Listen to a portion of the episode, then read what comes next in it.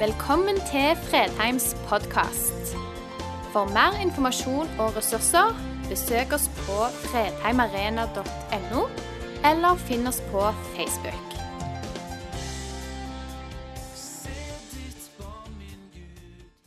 Velkommen til gudstjeneste. Både dere som er gjester på besøk, og dere som er nye, og dere som har gått der i årevis. Noen i ti år. Vi er inne i en serie som handler om vekst. Det handler om å vokse primært ved at det vokser djupere ned for oss, at vi blir mer grunnfesta. Dess mer vi skal bære frukt her oppe, dess djupere må røttene strekke seg. Det forventer vi av jorden, at den gir grøde. Det hele poenget med jordbruket det er å gi vekst. Det skal være fruktbart. Vi drømmer at våre barn skal vokse. De er fantastiske når de er små, og du kunne tenkt at de skulle bare vært sånn en stund til. Ja, ja, Noen ønsker jo at de skal flytte ut før de har nesten hatt det i noen år. Men altså, vi ønsker at de skal vokse, at de skal utvikles. De vil bli urolige når veksten stopper opp. Alt i naturen er skapt for å vokse. Mennesket er skapt for å vokse. Eh, kristenlivet er gitt oss. Ikke for å bare være en sånn, noe som står stabilt, alltid er likt, men det skal vokse, og det skal få lov å utvikle seg. Etter gudstjenesten den 13. januar så kom det en bonde og en som hadde studert jordbruk, bort til meg etterpå. Og De introduserte to lover jeg burde kjenne til når jeg først vågte meg inn på dette med jordbruk. Og Jeg ba de forklare det. Han ene han hadde studert loven om den minste innsatsfaktor. Alle forstår med en gang hva det er. Loven om rettidig det er et dansk uttrykk. Eh, og Jeg måtte sende noen meldinger i denne uken for å få det forklart og beskrevet litt bedre, siden mine jordbrukskunnskaper er sterkt begrensa. Loven om den minste innsatsfaktor handler i prinsippet om at for at jorden skal vokse, så må alt være optimalt. De forskjellige elementene som skal til, må være i balanse. Og så er det sånn at Hvis jorden mangler ett viktig næringsstoff, så må ikke du putte på noe annet. Du må putte på det som mangler. Og Det er jo det som ofte er utfordringen for oss som prøver å få plenen grønn, at vi bare gjødsler uansett. Men kanskje er det noe helt annet jorden trenger. Altså, Vi må finne hva er det som må tas tak i. Og Det er der vi må bruke innsatsen vår. Og så var det dette med loven om rettidig. Ikke bare må de rette næringsstoffene være til stede.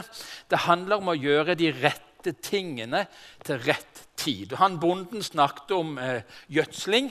Jeg vet ikke hvor i detalj jeg skal inn over det. Først så slo han gresset før han gjødsla. Det nytta ikke å gjødsle mens gresset sto på sitt Ikke fortelle alt det han forklarte om sånne detaljer om lukt og om vekst og ødeleggelser. Men det måtte gjødsles i rett tid. Og Disse to tingene skal vi ha litt i bakhodet når vi nærmer oss en kjent bibeltekst. Men først vil vi bare liksom lande loven om det rettidige. Hva sier Bibelen om det? Og Dette blir ingen overraskelse for dere som er kjent i Bibelen. Bibelen sier det på denne måten.: Søk Herren mens han er å finne. Kall på ham når han er nær. Vi har en tendens til å utsette ting. Jo, jeg må bare få fikse det, så skal jeg. Men Bibelen den sier noe helt annet. Jeg bunnhørte deg i rett tid og hjalp deg på frelsens dag. Se, nå er den rette tid. Nå er frelsens dag. Loven om rettidighet i kristenlivet den handler om at du aldri skal utsette, men du skal handle nå. Gud er deg nær nå. Vi vet ingenting om i morgen. Sannsynligvis får vi en ny dag. Med skiften, er det sol i dag, så blir det helt sikkert regn i morgen. Sånn har det vært en stund. Vi vet ikke så mye om det som ligger foran, men vi vet at Gud er nær nå. Og Altfor mange mennesker tenker jeg skal ta tak i det når jeg bare får gjort ferdig det. når jeg bare ordner med det, Så skal jeg ta tak i ting.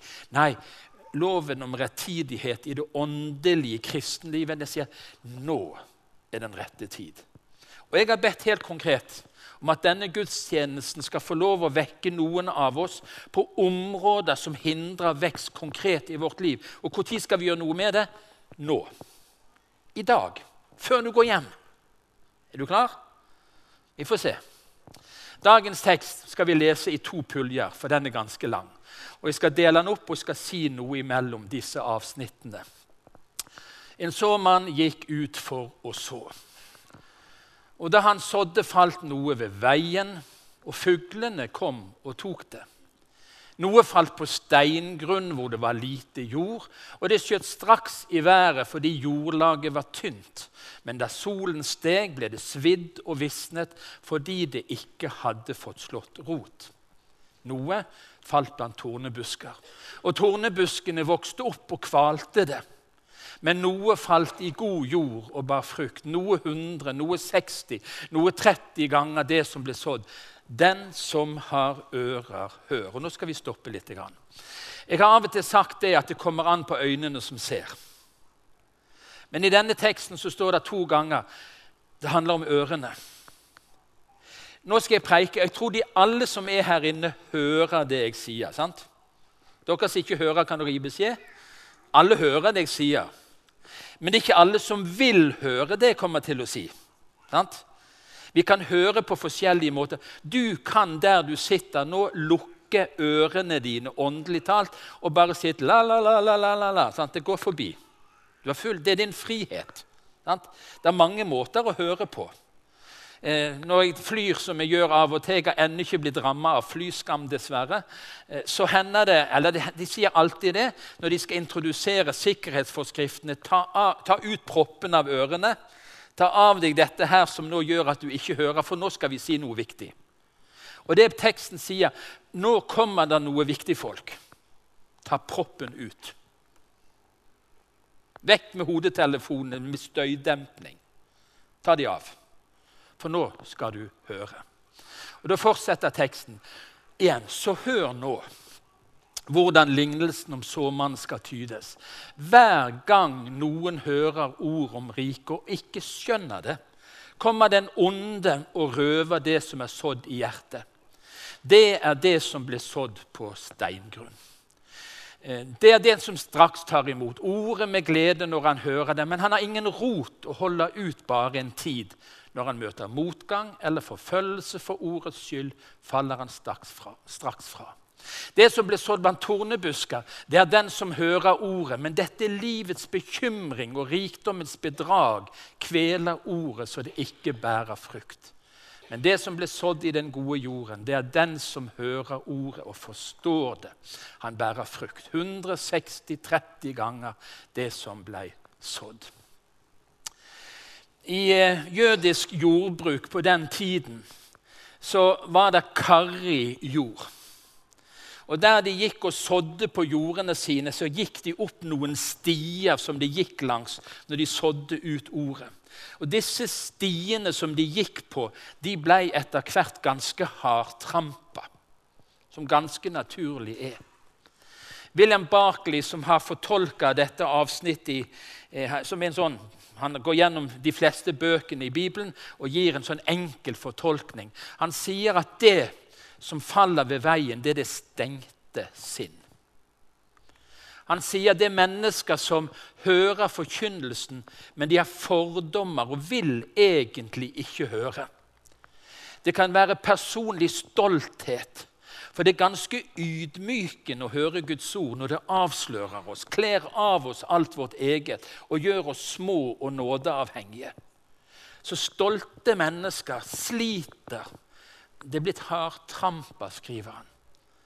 Og så kanskje det mest krevende, og som jeg tror de fleste av oss har opplevd mer enn én gang.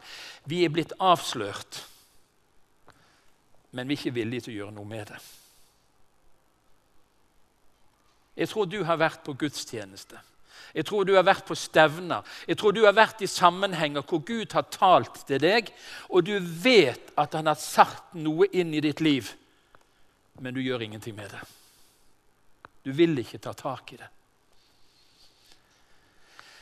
Hva sier denne loven Eh, ikke bare om rettidighet, som vi snakket om, men dette å sette inn de rette tiltakene. Hvis du blir avslørt, hvis noe i ditt liv kommer fram i lyset, det er noe som du ikke ønsker å bli konfrontert med, du har levd med i det det skjulte Hvis det kommer fram i lyset, da er det det du må ta tak i. Det nytter ikke å si til Gud 'jeg skal be litt mer'. Og nå, nå jeg kjenner det at nå taler jeg at jeg skal gi litt mer. Jeg skal bli litt frommere. Det er ikke det Gud ber deg om. Han ber deg om å gjøre noe med akkurat det som han taler inn i ditt liv. Det som han avslører, det som han åpenbarer. Alt annet hindrer vekst. Det å sjøl velge tiltak som ikke er fruktbare, det hindrer vekst. Vi må være konkrete. Er det fordommer som hindrer, så er det det vi må gjøre noe med. Er det stolthet vi er preget av, så er det den vi må ta tak i. Er vi avslørt på områder i vårt liv hvor vi har slått oss til ro med synd, og Gud har avslørt det, så er det det vi må ta tak i. Hvis ikke så hindres veksten i vårt kristne liv. Når du preiker, hva må du gjøre da? Da må du sette foran deg et speil. Og så preiker du først preken for deg sjøl. Og det er plagsomt, kan jeg si deg. Så når jeg har holdt på med det å forberede denne preken, så har Gud pirka borti en ting. Det begynner på N, E, T, F Netflix. Runar, du har et problem. Torbjørn nevnte det, han skal studere. Men jeg er sånn av og til at mens jeg sitter midt i noe som prekeforberedelse Jeg har tid til en liten episode. Det tar bare 40 minutter. Og så spoler jo jeg på ting som jeg ikke liker. så det tar jo bare 25 minutter. Og så spoler jeg, og så ser jeg, og så spoler jeg. For alle døde scener de spoler jeg bare forbi. Det er sånn jeg ser. Og så ble det bare helt tydelig for meg Runar, du kunne brukt tiden din bedre. Det er tidspunkt i ditt liv hvor du har tid til stillhet, tid til ettertanke tid til påkobling, tid til å høre min stemme. Men du velger noe annet. Ja, Da nytter ikke det å si ja, men Gud, jeg preiker jo, jeg skal preike litt oftere. Og jeg skal prøve å preike litt bedre. Nei, det er ikke det jeg må gjøre. Jeg må rett og slett kutte ut Netflix oftere. Og Nå har jeg sagt det til dere, så nå kan dere få lov å spørre meg hvor tid dere vil i ukene som kommer. Hvordan ligger du an med Netflix? Og Hvis jeg sier det, nei, det er akkurat like galt som før, så legger du hendene på meg og så ber du for meg. Og så sier du Gud, jobb enda sterkere med han. Han trenger det. Dobbel dose. Sant? Jo, men det er det vi må ta tak i. Det er det Gud minner oss om. Ikke alt annet. Vi må gjøre de rette tingene. Sånn er lovene. Og så er det en utfordring i denne teksten, det som faller ved veien. Og Der står det at den onde røver det som er sådd i hjertet. Og jeg vet ikke om du er klar over det, at inni dette rommet, hvor vi har innviet dette huset i Faderens og Sønnens og Den hellige ånds navn for å være et gudshus, så er det en som prøver stadig å plukke vekk det du hører. Som får deg til å tenke på helt andre ting. Hvor mange av dere tør å innrømme nå at de siste minuttene har du egentlig tenkt på noe helt annet? Den middagen du skal ha, eller et eller annet. Altså, mange her inne nå er på langt nær inni denne teksten. Dere er en helt annen plass. Det var nå søren at jeg skulle Uff, at Nei. Du, den onde driver og prøver å ta vekk det som Gud sår i ditt hjerte. Det er en kamp om disse tingene, forteller denne teksten. Jeg lærte det på søndagsskolen, og det er mange år siden det. Når fristeren kommer og banker på ditt hjerte, så spør han om han får komme inn. Da svarer jeg nei, det kan du ikke, for Jesus har alt kommet inn. Sant? For fristeren kommer og banker på vårt hjerte, vil ta vekk det ordet som Gud sår inni oss, som kan få oss til å vokse og forandre oss. Er det noe i ditt liv som du trenger å ta tak i? Steingrunn handler ikke primært om at det er masse stein i jorden, Mye av det kulturlandskapet du fant i Israel, var det et tynt, tynt jordlag oppå fast fjell av forskjellig karakter. Det var ganske tynt jordlag. Det er ikke sånn som på Jæren at det er djupt, djupt med jord, men det er så gruelig mye stein. Og Du kan rydde stein og rydde stein og rydde stein. Du kommer ikke ned til, til, til fjellet. Men i Israel er det mye grunnere jordsmonn mange steder. Og det gjør noe når ordet blir sådd. Og jeg har møtt mange. Og dere vet jo det, Jeg er sånn som liker best den siste boken jeg har lest. den best siste konferansen. Jeg blir litt entusiastisk. sant? Men det er det å gjøre noe med det. Entusiasme uten virkelig ettertanke. Dette at følelseslivet blir engasjert. Men vi vil egentlig ikke grave dypere. Det var deilig akkurat sånn som det var. Og hvordan var gudstjenesten i dag? Jeg følte det godt. Og lovsangen. Jeg følte det godt. Men fikk det noe forandringskraft i oss? Gjorde det noe med våre prioriteringer, våre valg? Mennesker som er rotløse, alltid på leit, men vil ikke ta ansvar. Det er liksom en sånn steingrunn at Guds ordet som sås ned, får ikke lov å komme djupt nok ned. Bibelen har et uttrykk Eh, for hva som mennesker trenger, som har si, steingrunn som sitt kjennetegn. Melk ga jeg dere, ikke fast føde. Du som er entusiast, hvor følelsene er det som er det aller viktigste, og du er på toppen når de er oppe, og så er du ingenting når de er vekke. Du trenger djupere røtter, du trenger fast føde. Du trenger noe som går djupere ned, som gjør at livet ditt er mer, står på sikrere grunn, er mer rotfesta. Du må jobbe med de tingene. Og Det vi skal bruke litt mer tid på, det er dette som har med tornebuskene Utfordringer fra teksten. Tornebuskene trenger ikke nødvendigvis være svære planter som vokser og stikker, og du må trenge deg igjennom, og du blir revet opp. Det kan like godt være at de er kutta ned fra det synlige, men røttene ligger i det usynlige. Så når jeg, kornet faller i jorden, så faller det ned i et jordsmonn fullt av torner og tistler. Det trenger ikke engang være synlig.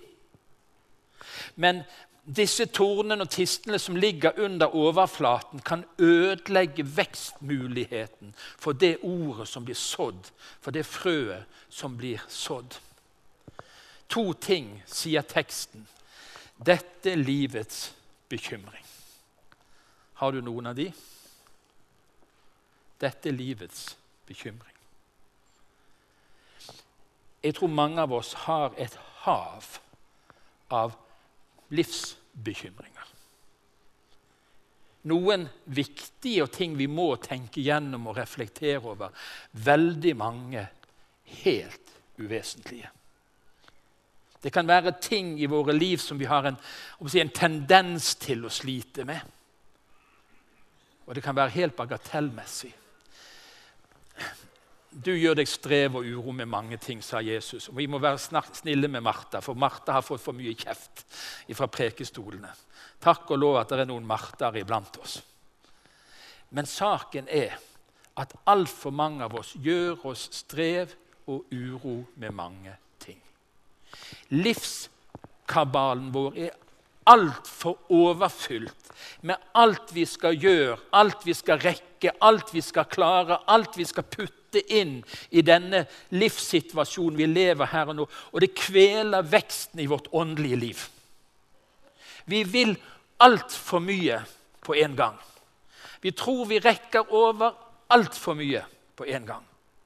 Jeg sa det den 13. januar, at det er når vi sover, vi vokser mest. Det er når kroppen får slappe av. Det er da kroppen vokser. Det lille barnet trenger søvn. Det vokser når det sover. Det vokser når det hviler. Og Jeg tror at mange av oss som er på Fredheim denne søndagen, vet at det er for mange ting vi prøver å få gjort samtidig. Og det kveler vårt åndelige liv. Og dette er egentlig ofte bare gode ting. sant? Flotte, viktige ting i seg sjøl, men de er ikke de viktigste. Det var det som var utfordringen for Martha. Maria valgte den gode delen. Hun sa ja vel, her skal det serveres, og her skal det stelles, og her skal det ordnes. Men Jesus, når du er her, vet du hva? Jeg setter meg ned, og så møtes du og jeg. Det er noe som er viktigere. Og Jeg har ikke lyst til å gå inn på forskjellige områder, men jeg tror at noen av oss trenger å ta vekk noe av livet. Vi trenger ikke putte mer. Jeg snakket med noen kristne ledere for noen uker siden. Eh, og Vi snakket om hvordan klarer vi å engasjere folk. Jo, det er de som er engasjert, vi klarer å få engasjere til mer. Det er ja-menneskene. sant? Og Istedenfor å prøve å utfordre folk som bare sitter sånn regelmessig på gudstjenesten, så går vi på de som har sagt ja til fem ting fra før. For de sier ja, ja, ja. ja. Altså ja-menneskene. Kjære Gud, takk for ja-menneskene. Men Kanskje har du sagt for ja til for mange ting. Og så til slutt er tjenesten det som kveler det åndelige livet ditt. Du blir så travel i Guds rike å gjøre noe for Jesus. Du rett og slett ikke har tid til å være sammen med Jesus. Og det du har, det er Gud, nå må du velsigne meg, for nå trenger jeg det. For det er så travelt. Og du vet hva kaos det er. Gud, nå må du velsigne meg. sant? Og så er hverdagsutfordringene så mange i vårt velstandssamfunn at vi kan putte livet fullt av gode ting, og så hindrer det vår åndelige vekst. For det andre som denne avsnittet taler om tornebuskene, sier rett og slett rikdommens bedrag. Rikdommens bedrag. Alle vil bli rike. Alle ønsker vi mer.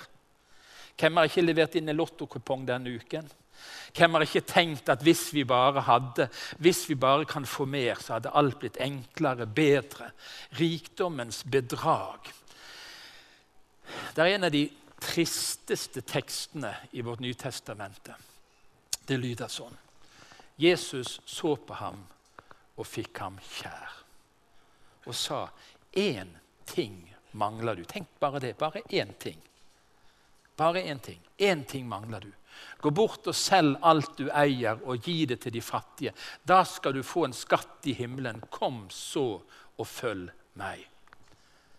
Men han ble nedslått over dette svaret og gikk bedrøvet bort, for han eide mye. Rikdommens bedrag. Vi har alt, sier Ole Paus, men det er alt vi har. Rikdommens bedrag den åndelige tomheten på jakt etter rikdom. Den åndelige utarmingen på jakt etter mer. Større, finere, nyere, flottere. Og jeg kan ikke si at jeg ikke kjenner på det. Jeg kan ikke si at jeg helt konkret kjenner på utfordringer med mitt eget liv i forhold til det. Jeg kjenner på det. Rikdommens bedrag. Og jeg tror mange av oss har blitt lurt. Hvis vi bare får, så blir vi lykkeligere. Hvis vi bare kan skifte ut og få større, så blir vi gladere. Det er bare det at vi blir aldri gladere, lykkeligere, mer tilfreds. For han eide mye. Det er en nydelig bønn du skal få med deg fra ordspråkene 30. To ting ber jeg deg om. Nett meg dem ikke så lenge jeg lever. Hold falskhet og løgn borte fra meg. Gjør meg verken fattig eller rik. Men la meg få den maten jeg trenger. Ellers kunne jeg bli så mett at jeg fornektet deg og sa, 'Hvem er Herren?' Eller så fattig at jeg stjal og krenket min Guds sønns navn. Min Guds navn. ikke det nydelig bønn? Gjør meg verken fattig eller rik. Nå er det mange rike mennesker som kan bli til en enorm velsignelse i Guds rike. Fordi de har en nådegave til å gi, og med raushet deler ut. Det er ikke farlig å være rik hvis hjertet er på rett sted og en primært har sin rikdom i Gud. Det kan være farlig å bli for fattig, sier teksten. Men en sånn nydelig balanse i denne bønnen. Nekt men dem ikke så lenge jeg lever. Hold falskhet og løgn borte fra meg. Gjør meg verken fattig eller rik. Det viktigste folkens, er å være rik i Gud. Og vår velstand vi er på velstandstoppen i verden, har ikke hjulpet det norske folk til å søke Gud. Det er sannheten. Det er sannheten. Dess rikere vi har blitt materielt, dess åndelig fattige, fattige har vårt folk blitt. Det er sannheten. Det er en makt i dette. Det er en utfordring i dette rikdommens bedrag. La oss ikke lure. La oss ikke lure. Vi skal ikke snakke om den gode jorden i dag. Det skal ligge. Det skal du få høre noen søndager seinere. Hva er det som fremmer vekst? Men du skal få med deg et bibelvers til slutt. Jeg har lest noe av det de ble minnet om, de som var samla i bønn før gudstjenesten. Vårt ego hindrer vekst. Den hellige ånd må bryte kraften egoismen har i våre liv. Kontroll og menneskefrykt. Og så er det et, en sånn nydelig setning her at det er et nettverk av velsignelser som Gud har gjort klar for oss. Gud er ikke en gud som tar disse tingene vekk fra oss for å begrense oss. Han tar disse tingene og minner oss om de for å gjøre oss rikere. For at vi skal bli rike på den rette måten og på de rette verdiene. Og så skal du få med deg ett bibelvers, bare som en liten sånn påminnelse om hva skjer i den gode hjertejorden, der hvor vekstbetingelsene er til stede. I 1. Tessalonika-brev, kapittel 1 og de første versene, så står det For vår Gud og Fars ansikt husker vi stadig på hvordan dere er virksomme i tro, arbeider i kjærlighet, holder ut i håp til vår Herre Jesus Kristus. Dere er elsket av Guds søsken, og vi vet at dere er utvalgt. Troen. De tomme hendene som strekker seg ut mot Gud. Kjærligheten som strekker hendene ut mot vår neste. Håpet om det som ligger foran, og det har vi sunget òg i lovsangen i dag. Nydelig, takk skal dere ha. Om det som ligger og venter på oss. Den jorden som har troen, den åpne hånden mot Gud, som har kjærligheten, hendene utstrakt mot mennesker, og som fester håpet til det som ligger foran, den jorden er i stand til å bære frukt. Frukt som varer. Hvordan har du det egentlig? Hvordan er det med hjertejorden din? Er den åpen? Bearbeida? Er det noe Gud har talt til deg om denne søndagen, så sier loven om rettidighet nå. I dag. Ikke utsett. La Gud få lov å møte deg, skal vi be sammen. Herre, vi takker deg for ditt ord.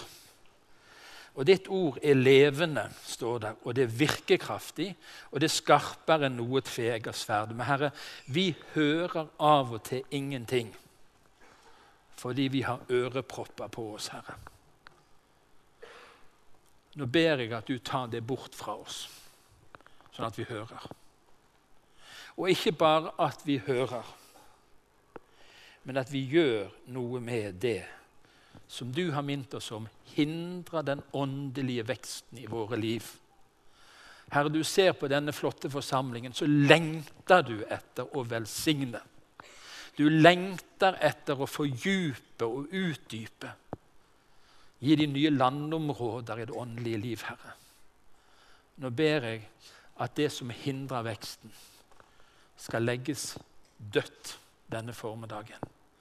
Og at nye steg kan tas i tro håp og kjærlighet.